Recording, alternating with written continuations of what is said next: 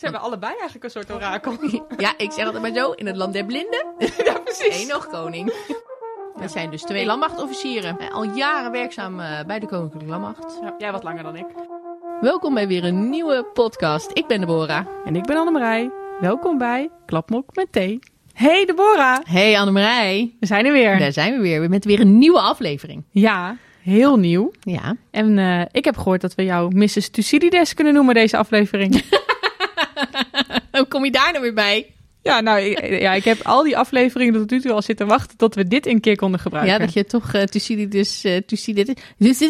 Zie je hoe een rotwoord het is? Ja, Thucydides. Ja, precies. En de Peloponnesische oorlog. Ja, ja eh, dat, dat zie je trouwens overal voorbij komen. Het maakt niet uit of ik nou bij een eh, symposium aanhaak... of dat ik in een of andere workshop aan het volgen ben. Iedere keer komt die voorbij. Ja, de Thucydides trap. Juist, maar wat is dat?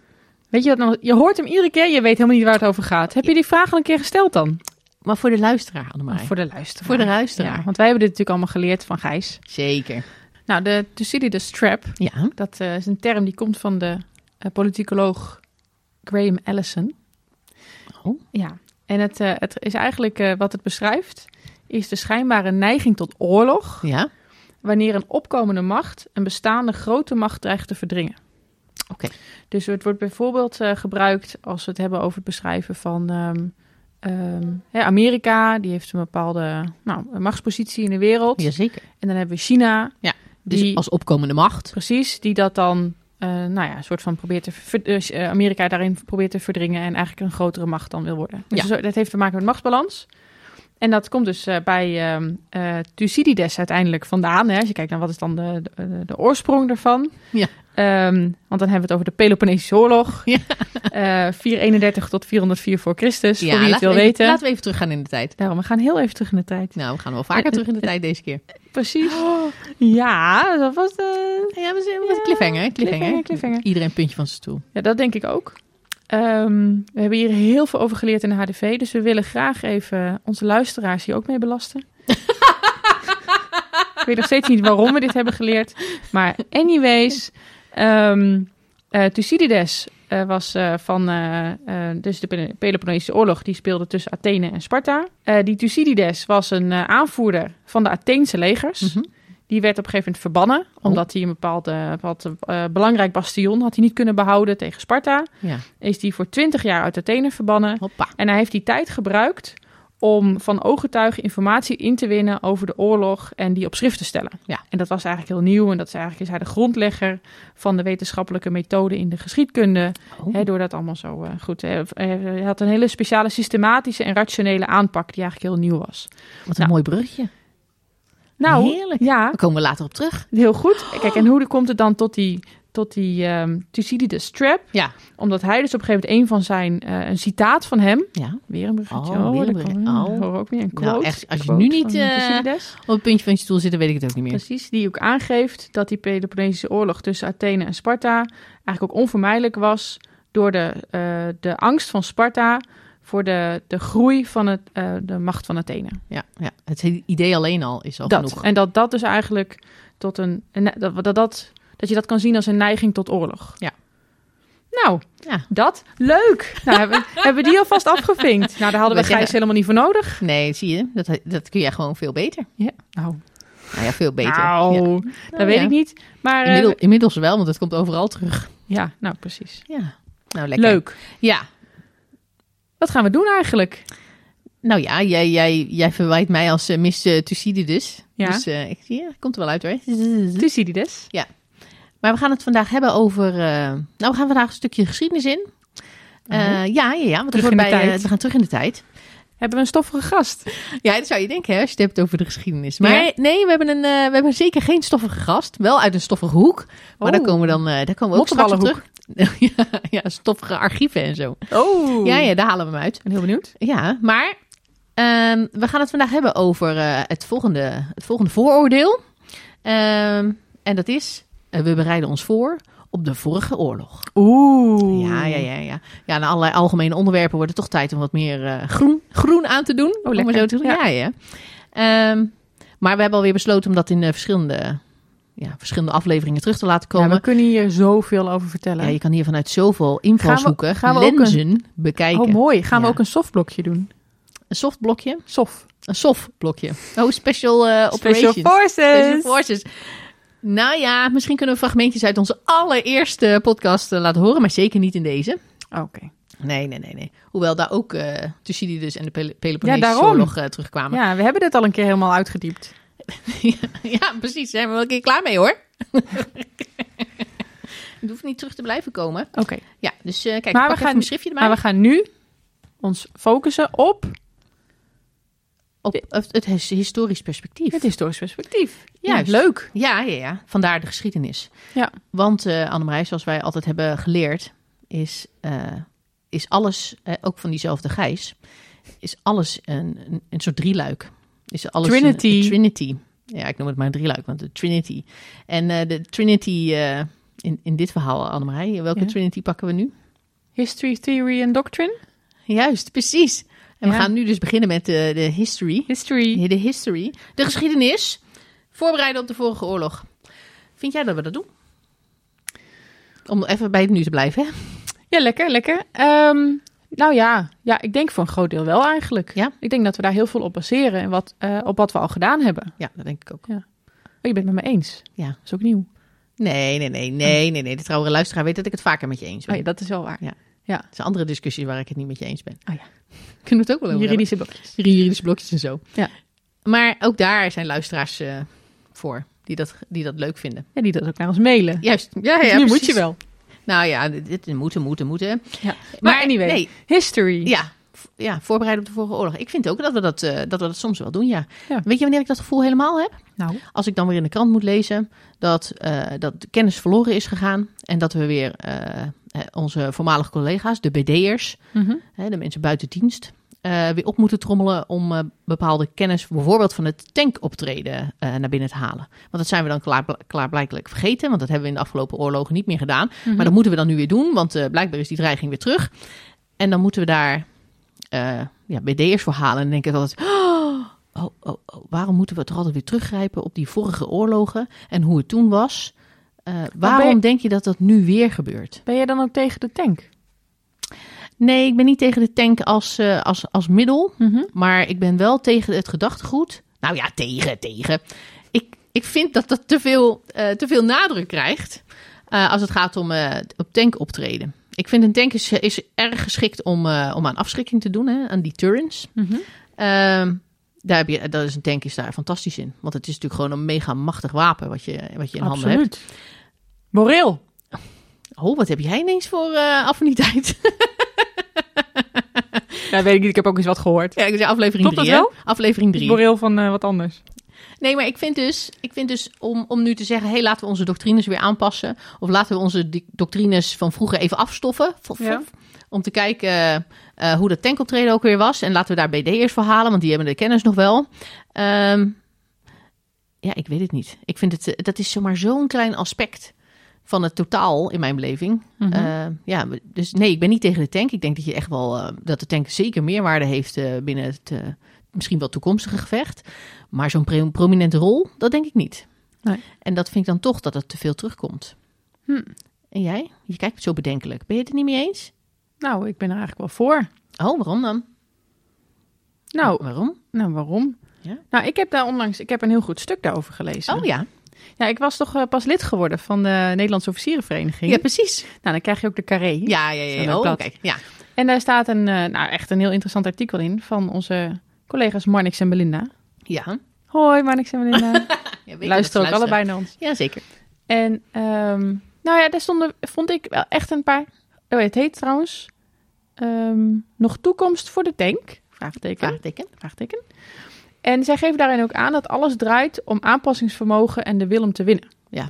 En dat als je doorstaat in keuzes, dus als je zegt van nou, uh, we, we kiezen ervoor om, um, om ons alleen nog maar te richten op um, vanuit de lucht of met uh, hele specifieke dingen. En we, ja, dat hele grondoptreden, dat is zo anders. En we hebben al straks alleen maar hybride. Mm -hmm. En uh, dus we moeten echt helemaal in de information maneuver en de dus uh, communication en engagement. En dat is helemaal waar we op moeten focussen. Dus we Ja. gaan hele uh, strenge keuzes maken. En laat die tank maar zitten, want ah, die oorlog die komt niet meer. Ja. Ze zeggen, nou, dat leidt eigenlijk tot strategische kamikaze.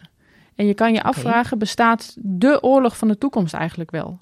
Want het punt is natuurlijk, je weet helemaal niet wat er gaat gebeuren. Exact. En uiteindelijk wordt natuurlijk het gevecht op de grond gevoerd. Dus we kunnen allemaal wel heel veel, eh eh, vooral in de lucht, met allemaal nieuwe technologieën en allemaal Mhm. spannende dingen doen. Ja. Maar uiteindelijk heb je gewoon toch de, je middelen op de- daadwerkelijk op de grond nodig om, om echt het effect te gaan bereiken. Om Ja, echt ja. het uiteindelijk... De slag te kunnen slaan. ja, precies. En dan is de tank natuurlijk daar wel een heel goed middel voor. Mogelijk middel voor.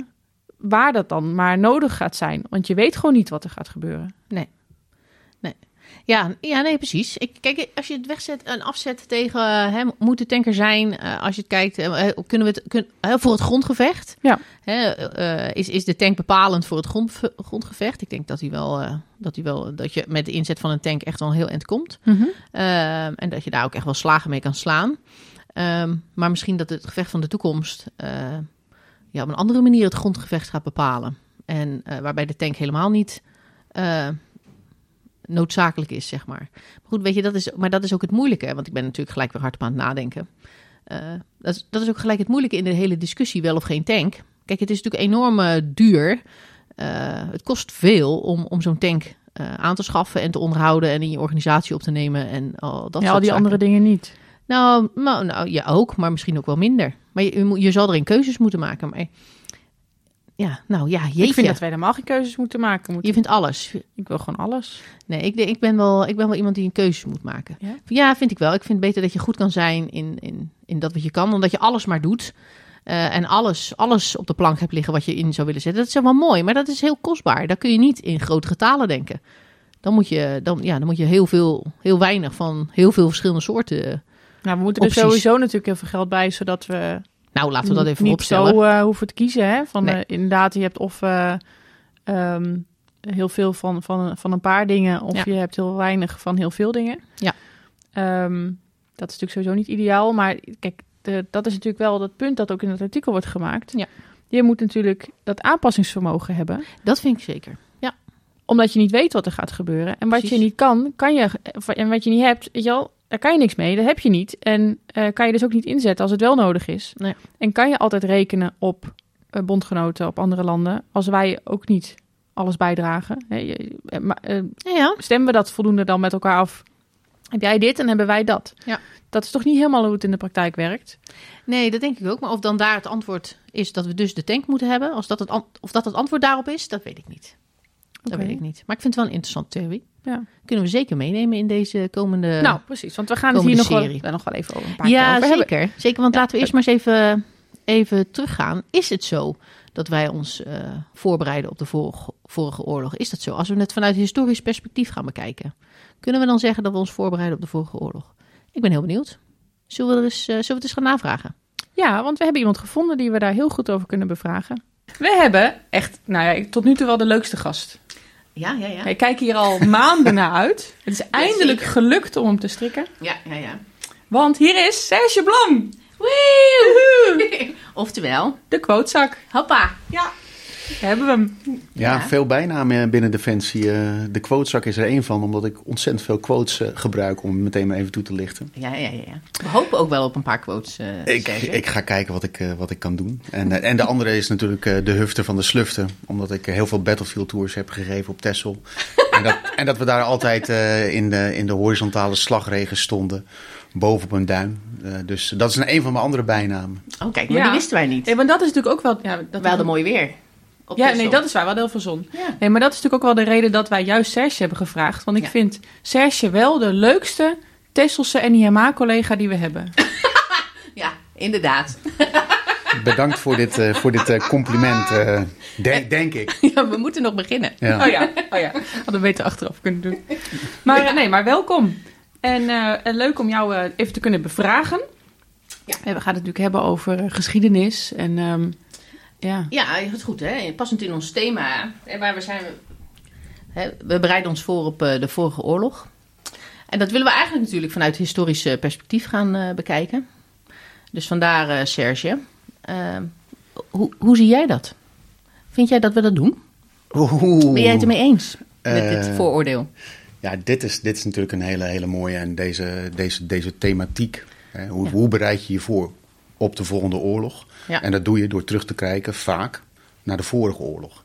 Dit is een van de thema's die we onder andere behandelen natuurlijk in, eh, bij de onderwijsinstellingen waar, waar ik lesgeef. De hogere defensievorming, eh, de MDV, maar ook de module landoptreden, waar ik jullie natuurlijk eh, van ken. Ehm, maar dit is, dit is wel een van de essentiële vragen. Hoe bereid je nou voor op, op de oorlog van de toekomst? En vaak is de valkuil dat je dat gaat doen door te kijken naar het vorige conflict. Waar je mee geconfronteerd bent. En of je daar nou deel aan hebt genomen. Of dat je dat eh, bekijkt eh, op een afstand eh, op een ander slagveld. Er zijn een aantal valkuilen. En een van de valkuilen is dat je inderdaad je bereidt je voor op de, op de vorige oorlog. En dat zien we in de militaire geschiedenis. Zien we dat ook echt wel een aantal keren gebeuren. Ik vind het eigenlijk wel interessant, Serge, dat je het een valkuil noemt. Want Ja. toch heb ik het gevoel dat, dat het iets is wat we ehm, eigenlijk een soort van standaard doen. Dat we toch terugkijken naar hoe is het toen gegaan en hoe is het toen gegaan. We krijgen natuurlijk ook heel vaak eh, lessen inderdaad. We gaan vaak, eh, hebben we battlefield tours. Ja. Is dat niet om toch een beetje mee te krijgen van nou, zo is dat vroeger gegaan en wat nemen we hieruit mee? Of eh, dat we er toch een soort van willen leren. Dat, althans, dat is in ieder geval hoe die lessen altijd op mij overkomen. Ja, nou, dat, dat, is, niet? dat is om meteen eventjes van Clausewitz te gaan quoten. Oh, ja, ja. Eh, van, van, van militaire geschiedenis kan je, kan je niets leren. Daar begint hij mee. Oh ja, ja. Dat staat in Von Kriege, zijn, zijn, eh, ja, zijn enige, enige eh, werk natuurlijk. Geredigeerd door zijn vrouw. Eh, maar ehm, van, oorlog, van militaire geschiedenis kan je niets leren. Maar het biedt je wel een manier, en hij noemt dat een Übung des Urteils, om je beoordelingsvermogen te vergroten. Inzicht te bieden.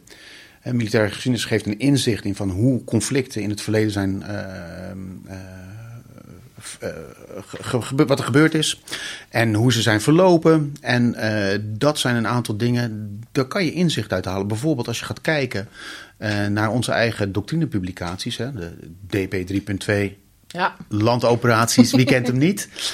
Daar staat heel duidelijk in over de aard van oorlog. En wat, wat is nou de aard van oorlog? Eh, en Van Clausewitz zegt, eh, de aard van de oorlog in essentie is een uiterste aanwending van geweld. Dat is altijd in meer of mindere mate is dat aanwezig in, in oorlog. En de karakteristieken daaromheen, die veranderen altijd. Dat staat ook in onze doctrinepublicatie. En daar draait het natuurlijk om. Eh, de aard van oorlog is een uiterste aanwending van geweld. Dat zegt van Clausewitz. In onze doctrinepublicatie is het niet meer oorlog, maar is het conflict. En wat is daar eh, de aard dan van? En in onze doctrine staat ook die karakteristieken van oorlog, die veranderen voortdurend. En juist die karakteristieken, die veranderen, eh, daar moet je naar kijken. Van wat zou nou mogelijk zijn bij een toekomstige oorlog? Welke karakteristieken waren aanwezig in de vorige oorlog? En hoe gaat zich dat ontwikkelen naar een volgende oorlog? Dus daar moet je heel erg bedacht op zijn. Maar ik denk zelf ook dat de aard van oorlog misschien niet een uiterste aanwending van geweld is, wat Van Clausewitz zegt. Eh, en da- daarmee me- doet hij direct de disclaimer van: hey, ehm, maar een uiterste aanwending van oorlog die is er bijna nooit, omdat er altijd een rem is. En die rem is of eh, politieke niveau Ja. of eh, frictie. Een ander begrip wat ook natuurlijk centraal staat in onze, in onze doctrine. Dus dat is het lastige als je je voorbereidt op een volgende oorlog. Ja, dus inderdaad, je hebt er altijd die onzekerheid. Eh, maar ehm, eh, zie ik het dan ook goed dat jullie bij het eh NIMA, dan zou ik het fijn vinden als je daar zo nog iets over wil vertellen. Wat is dan precies het NIMA? Ehm, eh, dat de, ja, de kern van jullie werk is natuurlijk echt terugkijken. Echt naar de geschiedenis kijken. Of kijken jullie ook dan met een bril naar hoe zou het dan nu zijn? Ja, dat willen we natuurlijk heel erg graag. Ja. Maar ja, wij gaan over, over het verleden. Ehm, en een van de dingen die wij echt centraal stellen in onze opleiding is de herkomst van het conceptuele gedachtegoed. Waar, komt, waar komen, onze denkbeelden, onze eh, doctrine, waar komt die vandaan? En waarom denken wij, hè, in de, als je gaat kijken naar het militair vermogen, naar de, eh, de conceptuele component, hoe, waarom denken wij zo en waar komt het vandaan? En zitten wij niet eh, met de oogkleppen op ons voor te bereiden op een komend conflict of een komende missie? Dus wij proberen eh, jullie, of Ja, de krijgsmacht breed misschien wel. Eh, maar in ieder geval eh, al mijn favoriete studenten. probeer ik een, een blikveldverbreding te geven. Lastig woord. Ehm, om te kijken van ja, waar staan we nu?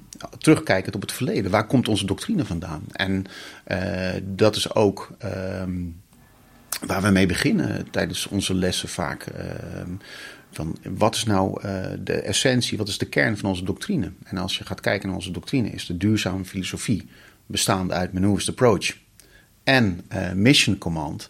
Nou, dat staat wel echt uh, centraal in, in onze doctrine. En waar komt het dan vandaan? Want het komt niet zomaar uit de lucht vallen. Dat is een, een ontwikkeling die al ja, 100, meer dan 100 jaar aan de gang is. Waarom we denken over warfighting, zoals we denken over warfighting of over peace support operations. Waar komt het vandaan? Dus dan hebben we het eigenlijk ook weer over inzicht geven.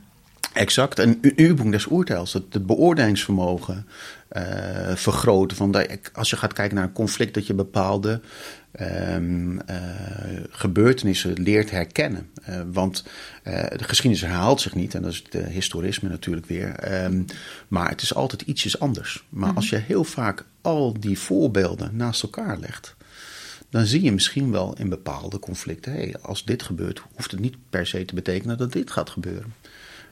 Um, als je een, een wapensysteem uh, bedenkt, zoals de tank in de Eerste Wereldoorlog, dan is daar al heel snel uh, een tegenreactie op, zoals het, het panzerafweergeschut of het antitankgeschut. Mm -hmm. en nu als je drones ja. bedenkt en die gaat inzetten, dan komt er al heel snel een ander wapensysteem om die drones aan te grijpen. Dus zo moet je voortdurend altijd nadenken uh, van... Hey, heb ik nu de silver bullet gevonden voor het komende conflict... door in te zetten op dit wapensysteem? Uh, of moet ik me bedenken dat er toch misschien ook wel dan een tegenreactie gaat komen? Uh, dus dat, dat proberen we wel te bewerkstelligen tijdens onze lessen. Ja, oké. Okay. En nou eventjes dan terug naar... jij werkt dus voor het NIMA. Ja.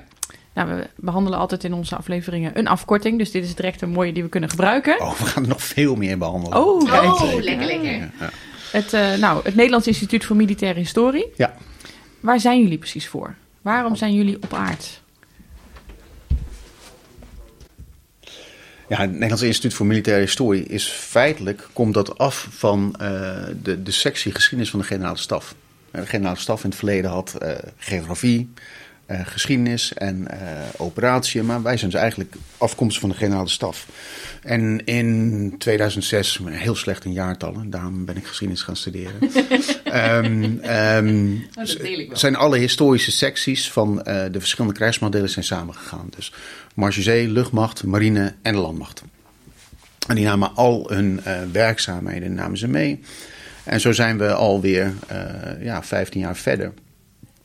En hebben we een heel breed palet uh, wat we eigenlijk allemaal doen voor de krijgsmacht, maar ook voor de samenleving. Dus wat dat betreft hebben we een heel uh, breed scala aan, uh, aan werkzaamheden.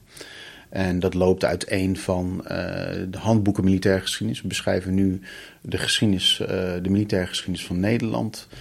we zijn bezig met een onderzoek naar Afghanistan. Dat moet een reeks publicaties moet dat worden. En dat gaat van de, de eerste periode in Kabul tot Oerskan en naar, uh, naar Baglam, en et cetera. Dus dat, dat beschrijven we. Uh, we schrijven de korpsgeschiedenissen van, van eenheden, uh, van de, re ja, de regimentsgeschiedenissen. Um, heel, ja, dat, dat wordt dan gedaan door de afdeling wetenschappelijk onderzoek. is dat iets wat je dan moet liggen? Zeg je van, nou, dat is echt mijn, mijn hobby of ik wil heel graag daarin duiken? Of zijn er of is het gewoon iets van, nou, dat moet je doen en dan ga je je daarin verdiepen? Of is het ook een beetje hobbyisme, dat bedoel ik? Moet dat er niet een beetje achter nee, zitten? Nee, het is echt een vak. Ja, dat snap ik. ik wil het zeker niet denken. Noem je dit nou hobbyisme? Ja, weet je wel. Weet je wel. Nee, maar zo'n zo korpsgeschiedenis, dat, ja. is natuurlijk, dat is natuurlijk heel leuk. Dat, is, uh, dat zeg ik nu. Niemand gelooft dat natuurlijk meer na al mijn opmerkingen van net.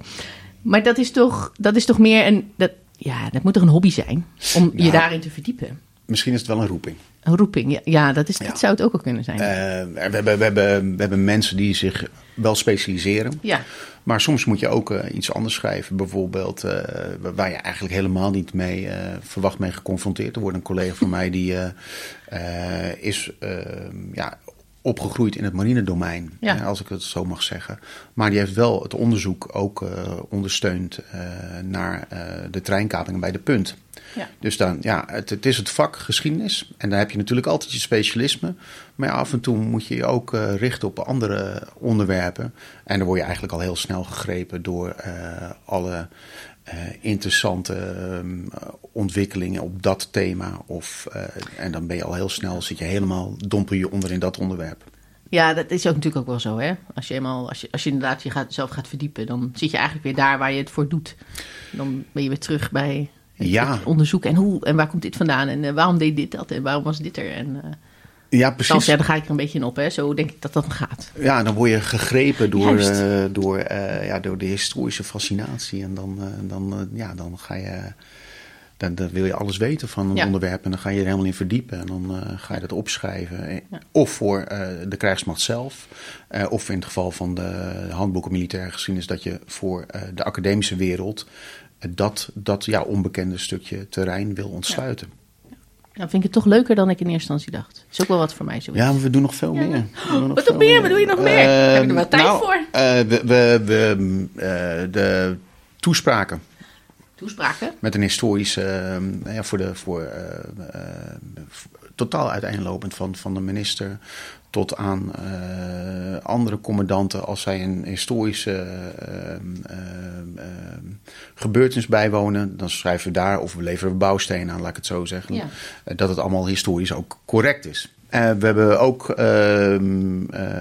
was het, twee jaar geleden de bevrijdingskrant gemaakt, 75 jaar vrij. Ja. Met een podcastserie met korte filmpjes. Dus dat doen we ook. Dat wordt dan eh, binnen Defensie gedeeld, maar ook buiten Defensie wordt dat gedeeld. Ehm vaandelopschriften Oh, ja, voor tuurlijk. Afghanistan Ja. hebben we ook eh, geholpen bij, eh, ja, bij, bij de toetsing of het allemaal historisch correct was. En hebben we grotendeels dan ook de regimenten bij geholpen. Wat ik me daarbij afvraag, hè, is het niet. ehm, kijk, we gaan natuurlijk heel ver terug hè, als, we, als we het hebben over de historie. Maar goed, we, gaan, we zijn nu onze eigen historie ook aan het eh, opbouwen. En je ziet ook dat we steeds, nou ja, gevoelsmatig steeds dichterbij komen hè, als we het hebben over eh, geschiedenis. Dus als we het hebben over Afghanistan. Ehm, nou, je had het net al over, hè, de- voor 75 jaar bevrijding maken we filmpjes, eh, dat soort dingen. Maar wordt ook vaak gebruik gemaakt van oud beeldmateriaal om te Ja. kijken hè, hoe, dat, hoe dat eruit ziet. Eh, wat heel interessant is. Maar tegenwoordig, nou staat alles al op beeld, op, op film. Is het daardoor dan makkelijker voor eh, een historicus om aan zijn informatie te komen? Of juist moeilijker omdat er zoveel is? Ja, dat, dat is natuurlijk ook een, eh, een aspect. We hebben ehm, eh,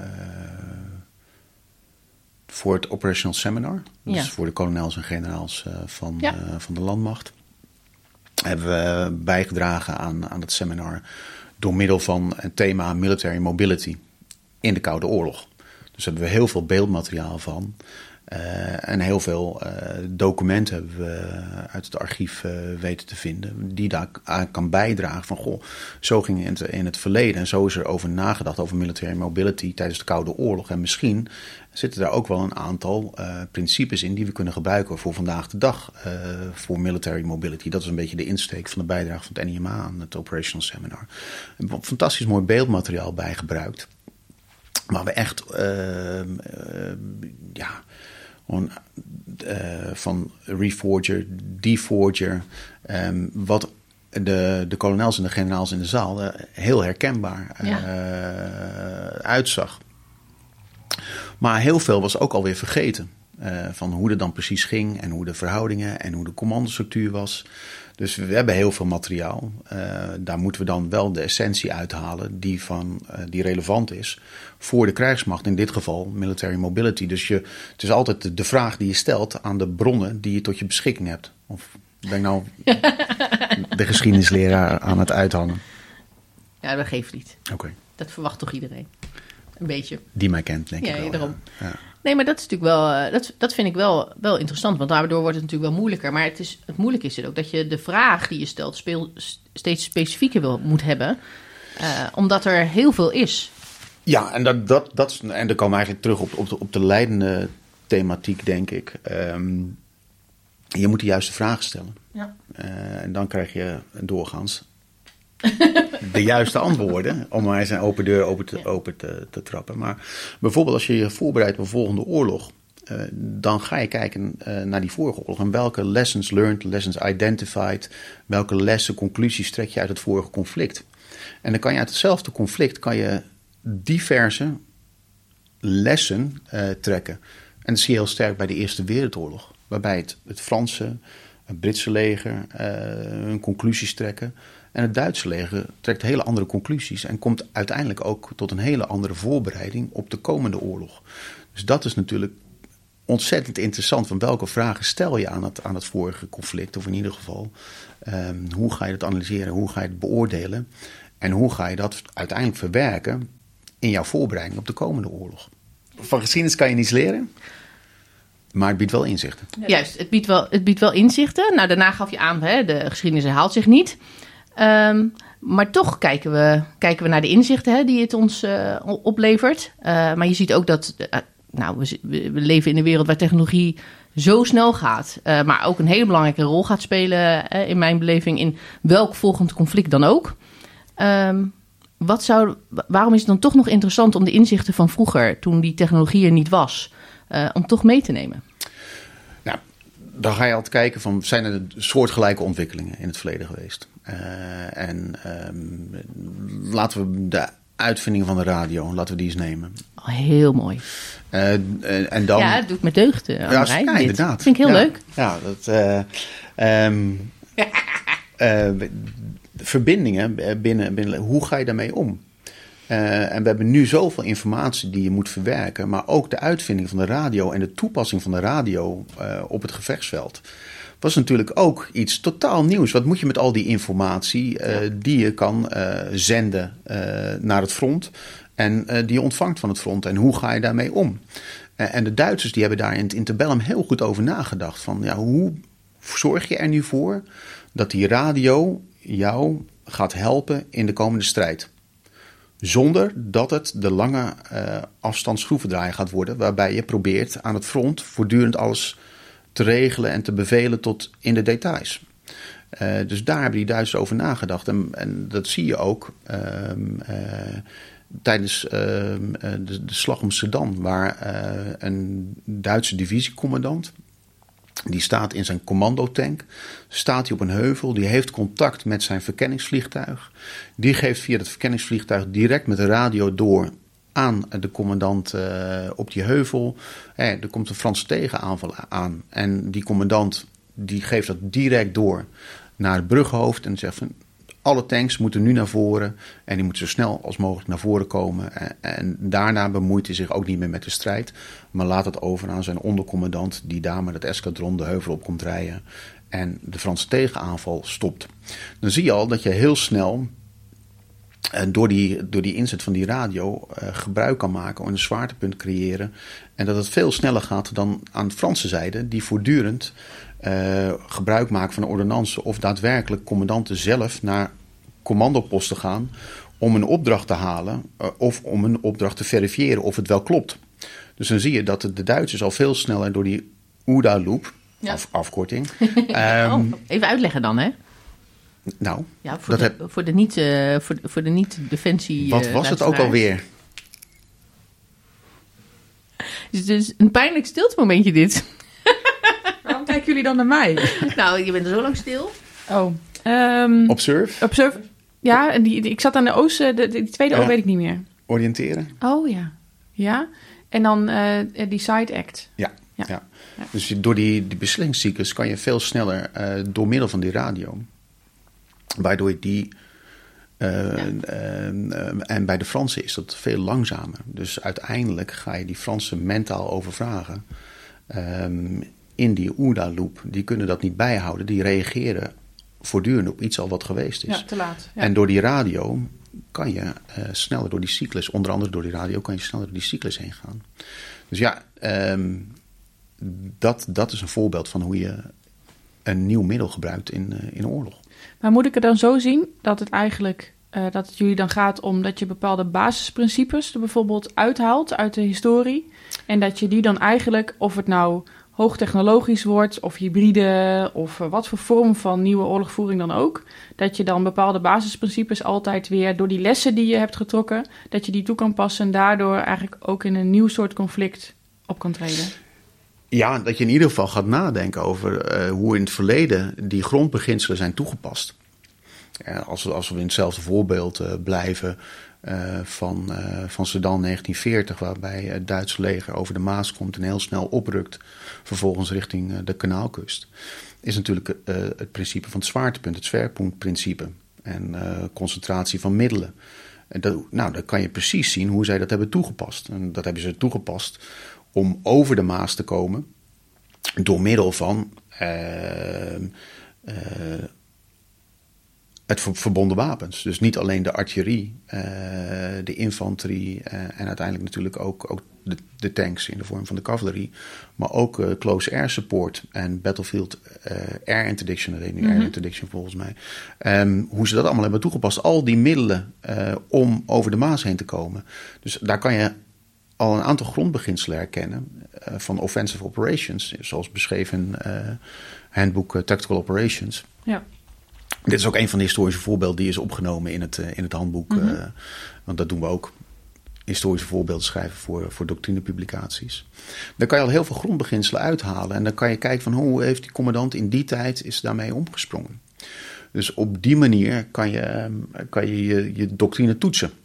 Uh, en dan kom je al heel snel bij de herkomst van het conceptueel gedachtegoed. Van, zijn deze grondbeginselen nog relevant? Of uh, hoe zijn die in het verleden toegepast? Neem ik daar iets van mee als we aan het tosten zijn? Volgende. Volgende afkorting. Tactische oefening zonder troepen. Ja. Of aan het, uh, of aan het token. Um, Tactische oefening op de kaart. Ja. We hebben ook zo'n teller die meetelt ja, met afkortingen. Ja, meeschrijven. Ja, Ja, oké. iemand die, uh... Um, dan kan je je eigen plan, hè, je COA die je ontwikkelt, kan je ook toetsen aan die grondbeginselen in het verleden. En dat is een beetje de wisselwerking tussen geschiedenis uh, en het hedendaagse optreden. ja, ik hoorde de COA voorbij komen. Oh. The Course of Action. Ping. Ja, ja, ja. Ja. Um, dus zo probeer je altijd relevant te zijn als je ziet. Geschiedenis, het is geen geschiedenisles. Het moet altijd relevant zijn voor uh, de doelgroep. En of het nou de module landoptreden is, of de hogere defensievorming, of uh, de operationele commandantencursus die we uh, een paar weken geleden uh, die ik heb mogen, mogen ondersteunen.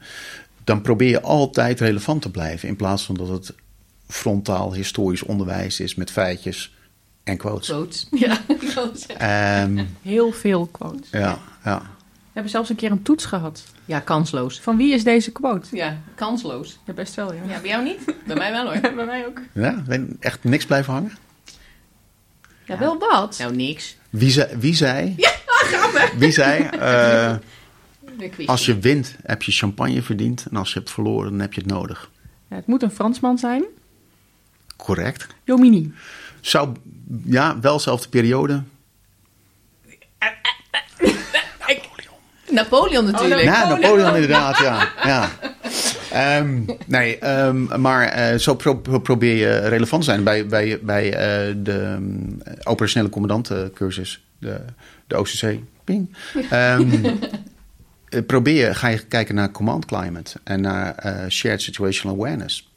En dan, dan ga je, laat je zien uit voorbeelden uit mei 1940 in... Uh, in, uh, op de gevecht van het eiland van Dordrecht van de lichte divisie. Uh, een Nederlandse divisie die wordt ingezet tegen Duitse parachutisten die zijn geland in de omgeving van Rotterdam, Dordrecht en Moerdijkbrugge. Laat je zien hoe bepaalde commandanten wel of niet met elkaar overleggen. En wat voor consequenties dat heeft voor het command climate. En dat het bijna een toxic command climate ontstaat. En daar ga je met bepaalde bevelen ga je spelen. Uh, waarbij je een bevel geeft aan de deelnemers. Ja, en dan, ga je kijken of ze ook contact leggen met de neveneenheid. Of dat ze eventjes tijd nemen om met een, een te, te, Of dat ze direct gaan plannen.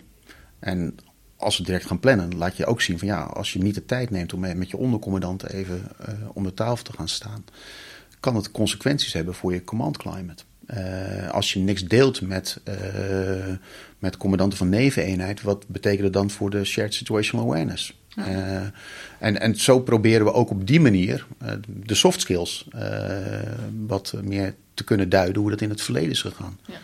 Ik denk dat ik, ik vind dat wel een heel krachtig iets eigenlijk.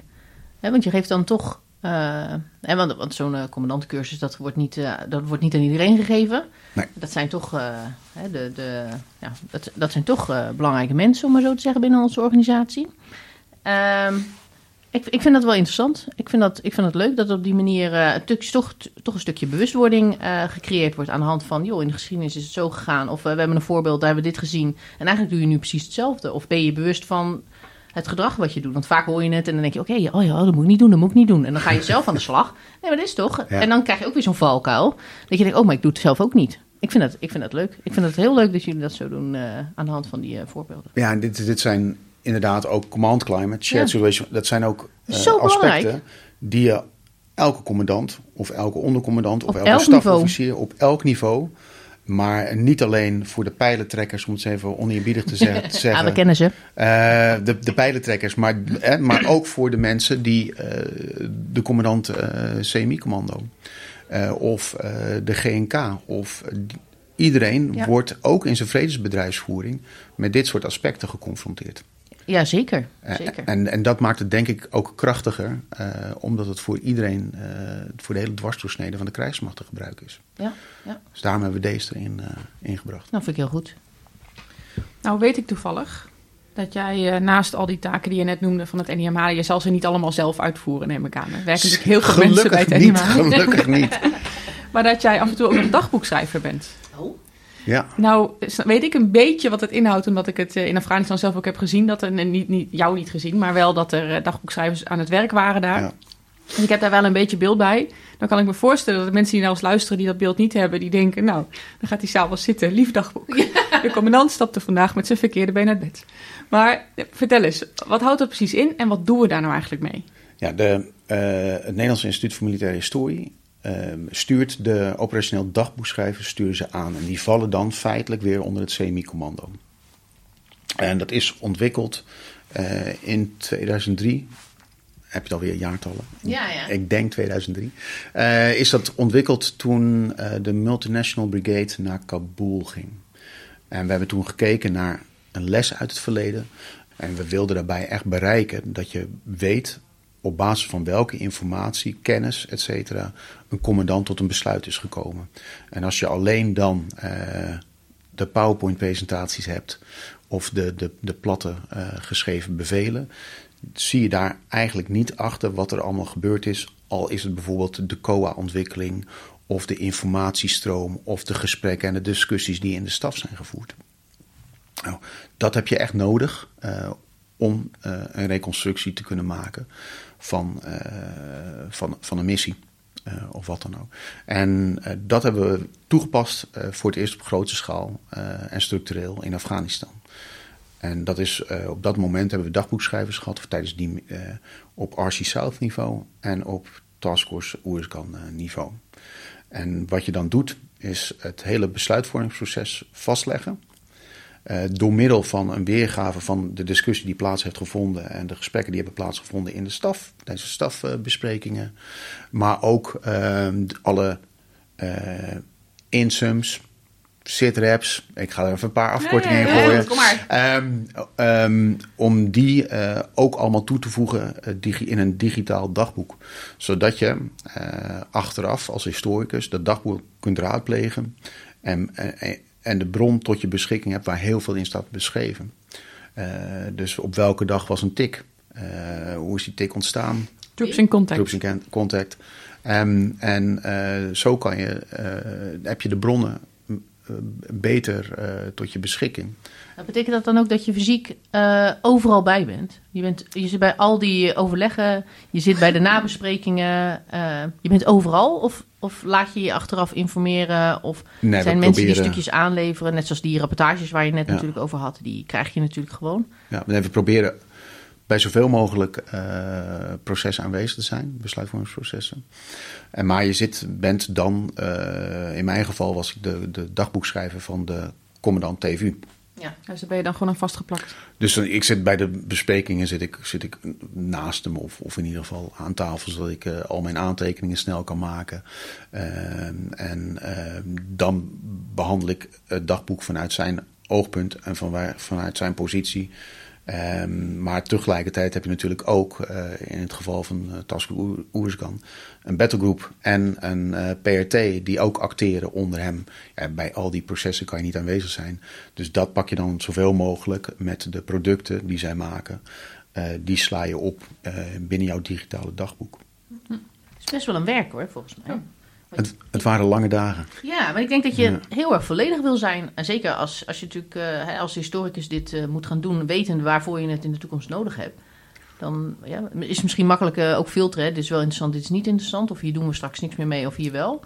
Maar het zijn juist die gedachtegangen erachter die het verschil maken in keuzes die mensen maken of kanten die opgaan. En exact. dat is interessant. Exact, want dan weet je pas waarom een commandant een bepaalde beslissing die tegenstrijdig initieel lijkt, maar die toch heeft moeten, moeten maken. Ja. En dat kan te maken hebben met, uh, met de mentale component. Of uh, dat het op dat moment op dat gezien ja, een hele juiste keuze was. Die achteraf heel lastig te verklaren is als je de bronnen niet tot je beschikking hebt. Ja, precies. En dat, dat doen we onder andere. En ja, dat gaat nog steeds door. Kijk, we zitten natuurlijk niet meer in Afghanistan. Of wel, maar niet meer uh, als dagboek schrijven. Omdat je dan echt wel bij grotere eenheden moet aanschrijven waar besluitvormingsprocessen plaatsvinden. Dus dat is zeg maar bataljonsniveau. Maar we hebben ook dagboekschrijvers gehad tijdens uh, de grote oefening uh, Trident Juncture aan boord van, uh, van schepen van de, van de marine. tijdens de COVID-periode dagboekschrijvers bij de DOPS en, directieoperatie. En, directieoperatie. En ook bij de, bij de, de NEO. Non-combatant evacuation operation. Ja, uh, vanuit, vanuit Afghanistan uh, is een dagboekschrijver geweest uh, bij de DOPS. Ja, ja. Dus het is ook een beetje een oproepkracht, om maar zo te zeggen. Nou ja, het, het, het nut ervan heeft zich wel bewezen. Ja, dat, dat, daar ben ik ook wel van ja. overtuigd inderdaad. Maar soms gebeuren dit soort acties vrij spontaan. dus ja. Ja, ja, het is een pool. Het is een pool en dan worden. worden we gebeld of de, de uitvraag komt binnen via het semi-commando of uh, via de DOPS. En dan, dan hebben we een aantal dagboekschrijvers tot beschikking die dan worden aangeklikt bij of de eenheid of bij, bij de staf ja. in dit geval.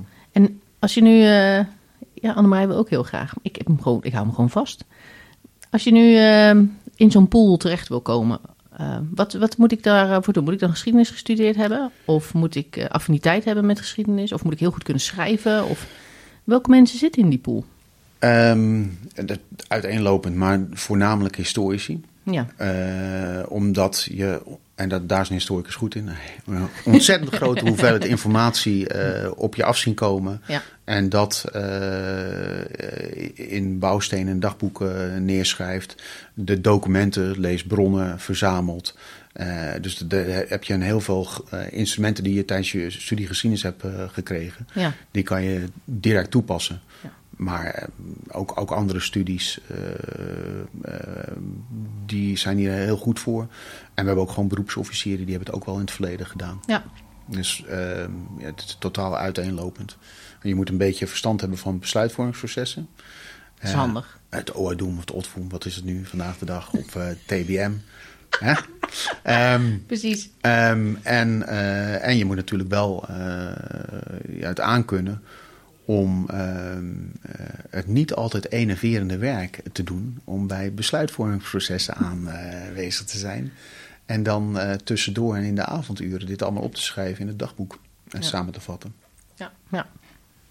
ja, dat vraagt wel een typetje. Hè? Dat is ook een roeping. Nou, maar ik kan me voorstellen dat dit best wel interessant is. Ja, ja maar het is inderdaad niet, niet iets wat je... Ja. Die doet het niet even bij. Nee, nee, nee, nee precies, precies. Maar dan uh, dit wordt dus allemaal opgeslagen. Dus het is echt het idee van we moeten eigenlijk helemaal terug kunnen zien van hoe zijn we tot bepaalde besluiten of tot bepaalde acties gekomen. En wordt er dan in de praktijk, wordt er dan ook op teruggegrepen of ligt het vooral ergens nu vast, zodat als we het een keer nodig hebben, dat we het op kunnen zoeken? Uh, om te kijken van, goh, op welk moment heb ik welke beslissing genomen, kan een commandant ook echt even kijken aan de, of vragen aan de dagboekschrijver. Hey, op basis van welke informatie was het ook weer en hoe is het ook alweer precies gegaan? Want dat wil ik nog even nazoeken. Ja. Uh, dus dat werd ook wel gedaan. Dus mm -hmm. dat het dan direct toegang heeft tot zijn dagboek okay. van nee, dat wil ik nog even nalezen. Want ja. um, ik zie hier iets en dat, uh, dat besluit heb ik toen uh, twee weken geleden genomen. Dat, de, de, de, tempo van de operatie is natuurlijk ontzettend hoog. Ja. Um, um, dus dat is ook het, het geheugen van de commandant. Ja. Maar het wordt ook, eh, ook gebruikt natuurlijk eh, bij onder andere de, de vaandelopschriften. Om even te kijken van, goh, hoe is het in het verleden gegaan? En eh, bij welke eh, tik of bij welke ehm, eh, eh, gebeurtenis, eh, nog om even na, na te lezen. Ja, zijn Ede dan betrokken Ja, geweest? Ja, Dus intern wordt er wel gebruik van gemaakt. Ja. ja. Oké. Nou, wel heel interessant. Nou, zeker wel. Ik dacht dat NIMA, dat is toch echt wel eh, gewoon een essentiële... Als je er bewust over nadenkt, is Ja, het gewoon breder dan je denkt. Ja, Ja, ja. interessant. Dus dat is echt wel wat we, wat we- Kijk, we willen geen uh, saai, stoffige eh, ge- geschiedeniskliek zijn. Wat af en toe ook wel heel lekker wel is. een beetje. Of eh, lekker bij de koffieautomaat over zware academische, historische onderwerpen te praten. Maar we willen ook echt relevant zijn voor de krijgsmacht. En daar, daarvoor zijn wij. Eh, en eh, dat is dagboekschrijven is, is daar één van. En onderwijs is daar iets anders van. Maar ook niet alleen naar de krijgsmacht, maar ook naar de samenleving.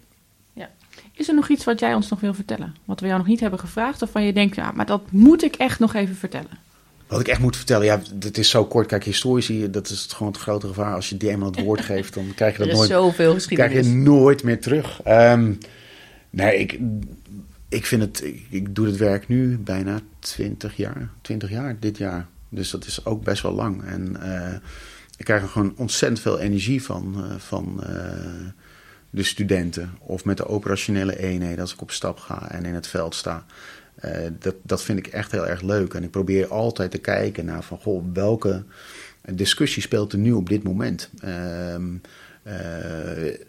Er is altijd wel een onderwerp dat we kunnen verbinden aan, aan eh, het hedendaagse optreden van, eh, van de krijgsmacht. Al is het alleen maar bijvoorbeeld waar we de laatste tijd ook wel eh, over hebben gesproken. Ehm, wat voor invloed heeft de vredesbedrijfsvoering op, ehm, op je operationele inzetbaarheid? Ehm, onze vredesbedrijfsvoering staat, ja, is toch anders dan ons mission command wat we voortdurend propageren. En hoe kan je dan omschakelen als je vanuit vredestoestand eh, op missie gaat of in een conflict terechtkomt? Hoe ga je dan die mindset omzetten van vredesbedrijfsvoering naar opdrachtgerichte commandovoering? En eh, met, met alle, alle kwaliteiten die, daar, eh, die daaraan hangen. En, en dat, dat is gewoon heel interessant om die discussies te voeren op basis van eh, wat er in het verleden is gebeurd en op basis wat er nu gebeurt. Dus dat daar ontmoeten eh, de studenten of de deelnemers aan een TOST of een Battlefield Tour. Daar ontmoeten we elkaar en daar komen we hopelijk tot, een, eh, ja, tot meer inzichten eh, voor de toekomst. Nou, Nou, wat, wat een mooie afronding. ja, vind ik ook. Ja. Dat is een mooie afsluiting. Sergio, we willen je hartelijk bedanken. Dankjewel. En wie weet tot de volgende keer. De volgende tost. De volgende TOST. Ja, Ja, wel in de zomer, dat we lekker buiten in de zon kunnen staan. ja Geen heerlijk. horizontale slagregens. Nee, nee. eh, ondanks dat quote, laatste quote. Ja, het sluit af met een quote. Ja. Eh, als we in de regen buiten staan met, met operationele eenheden, dan zeg ik altijd: rain is only liquid sunshine.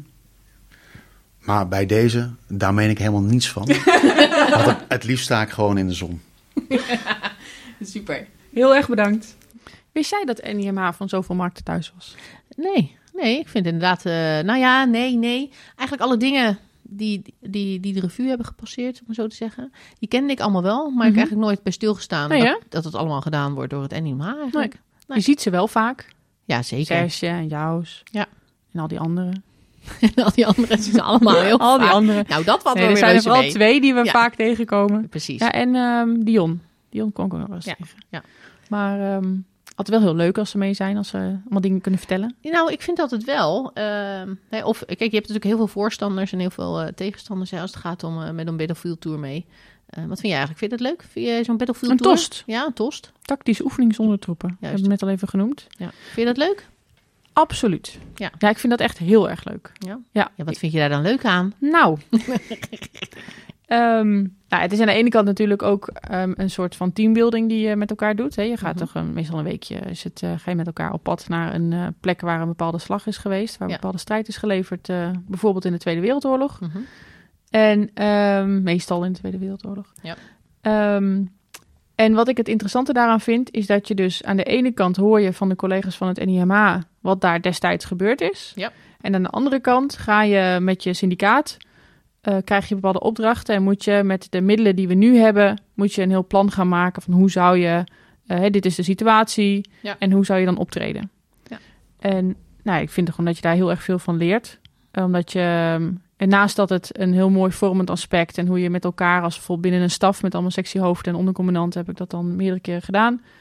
Eh, nou, we hebben het in de MLO, was eigenlijk de bedoeling, maar hebben het uiteindelijk eh, zijn we niet weg geweest. We hebben eentje, hè? En Sedan Ja, zijn we geweest. Ja, maar goed, ja. precies hetzelfde idee. Ja. Dit is een heel mooi middel om samen heel erg met de, de nou, onze core business, hè, met de kern van ons werk bezig te zijn. Dus dat vind ik echt heel erg leuk. Ehm, en weet je, ik zit daar dan niet als de jurist. Nee. Ik zit daar gewoon als collega die ook meedenkt over eh, wijze van optreden. Ja. En waar moet je aan denken? Ja. En, ehm, en dan moet je het ook nog op een kaart kwijt. En je moet het kunnen presenteren te velden.